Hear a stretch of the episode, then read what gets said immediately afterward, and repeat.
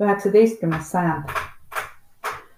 tuhande kaheksasaja teisel aastal viidi Eestimaa kubermangus osaliselt Eestimaa rüütelkonna initsiatiivil ellu regulatsioon, mida tuntakse selle esimese sõna järgi igaüks, mis kehtestas talupoegadele pärimisõiguse. samuti asutati valla ja kihelkonnakohtud, mis olid aluseks hilisemale talurahva omavalitsusele. tuhande kaheksasaja neljandal kuni tuhande kaheksasaja viienda aastal viidi ellu täiendavaid reforme, millega nii Eestimaa kui ka Liivimaal keelati talupoegade müümine maast lahus ja perekonnaliikmete eraldamine nende müümisel.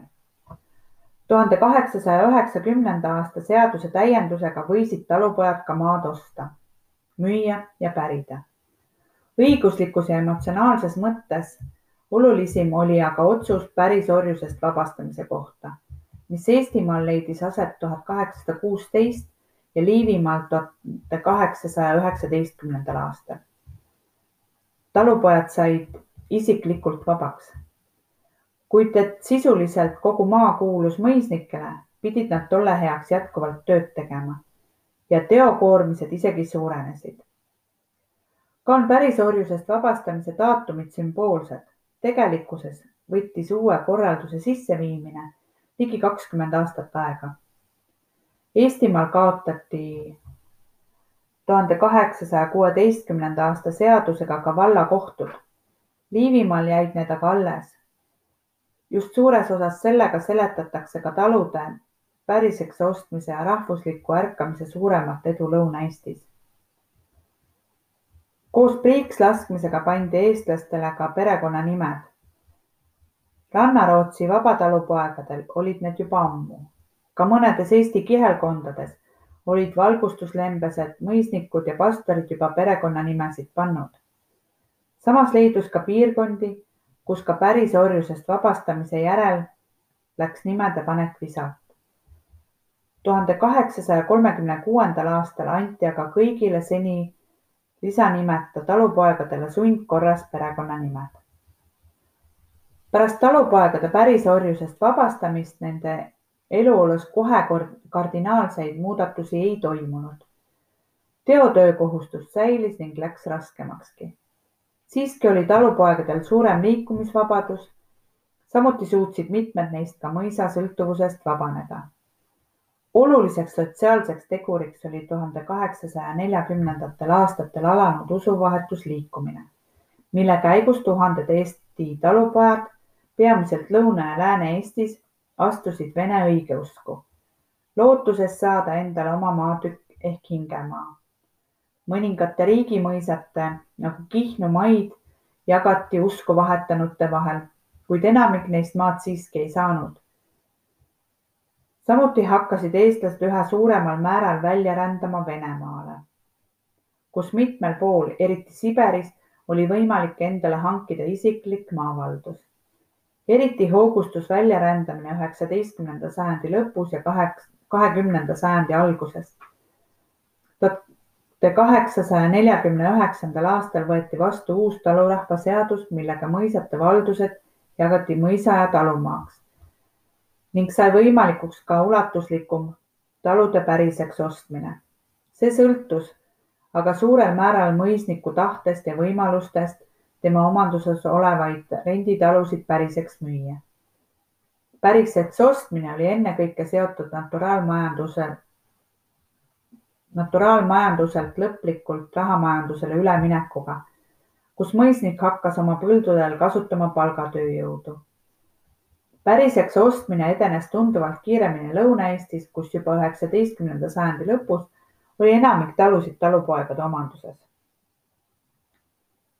tuhande kaheksasaja kaheksakümne esimesel aastal võimule saanud keiser Aleksander Kolmas osutus karmikäeliseks vene rahvusluse soosijaks, kes püüdis ka seni Balti erikorda nautinud Balti provintside elukorralduses samastada Sise-Venemaa provintside omadega. esialgu olidki venestumismeetmed ennekõike administratiivsed Ametikeeleks muudeti saksa keele asemel vene keel, kindralkubernerideks määrati ainult venelasi, kohtu ja politsei korraldus muudeti samaks, Venemaa sisekubermangudega ning täies ulatuses kehtestati ka Venemaa linnaseadus. oluliselt kärbiti ka rüütelkondade osatähtsust, kuid neile jäid siiski ka jätkuvalt oluline roll provintside sisepoliitikas. Tuhande kaheksasaja kaheksakümnendate aastate lõpust hakkas venestuspoliitika üha valusamalt tabama ka provintside põlisrahvaid. rahvuslikke organisatsioone suleti või muudeti venemeelseteks. ka Eesti rahvuslaste suur unistus Eesti Aleksandri kool avati tuhande kaheksasaja kaheksakümne kaheksandal aastal venekeelsena. selleks ajaks oli kogu algkoolivõrk samuti venekeelseks muudetud. Saksa või eesti keeles võis õpetada ainult usuõpetust ja emakeelt samuti venestati kohanimesid, näiteks sai Tartu ametlikuks nimeks Jurjev. ka Tartu Ülikoolis muudeti õppetöö tuhande kaheksasaja üheksakümne kolmandaks aastaks täielikult venekeelseks. mitmed tunnustatud saksa ja baltisaksa õpetlased lahkusid Saksamaale. Pildipalve. igikestev armastus. Vaigista mind, rahusta mind, tee mind tüüneks kui sügisjärv mahedal pilvitul päeval. puhasta mind, tuuluta mind. Nagu tormiiil, mis laiali puhub varahommikuse udu. sütita mind, uuenda mind sinu vaimu loitva leegiga. hoia mind, puuduta mind nagu ema last oma rinnal. emba mind, toeta mind oma igikestva armastusega. Maria Under kirjutab. taevane isa, kuule mu palvet. tänu ja kiitust mu hing sulle toob elu ja tervist, abi ja kaitset, rõõmu ja rahu su vägev käsi loob. ole mu juures kodus ja kaugel, päeval ja öösel mind kaitsku su tiib. olen kord väsinud, öövarjud kaugel, saada üks ingel, kes mind su koju viib.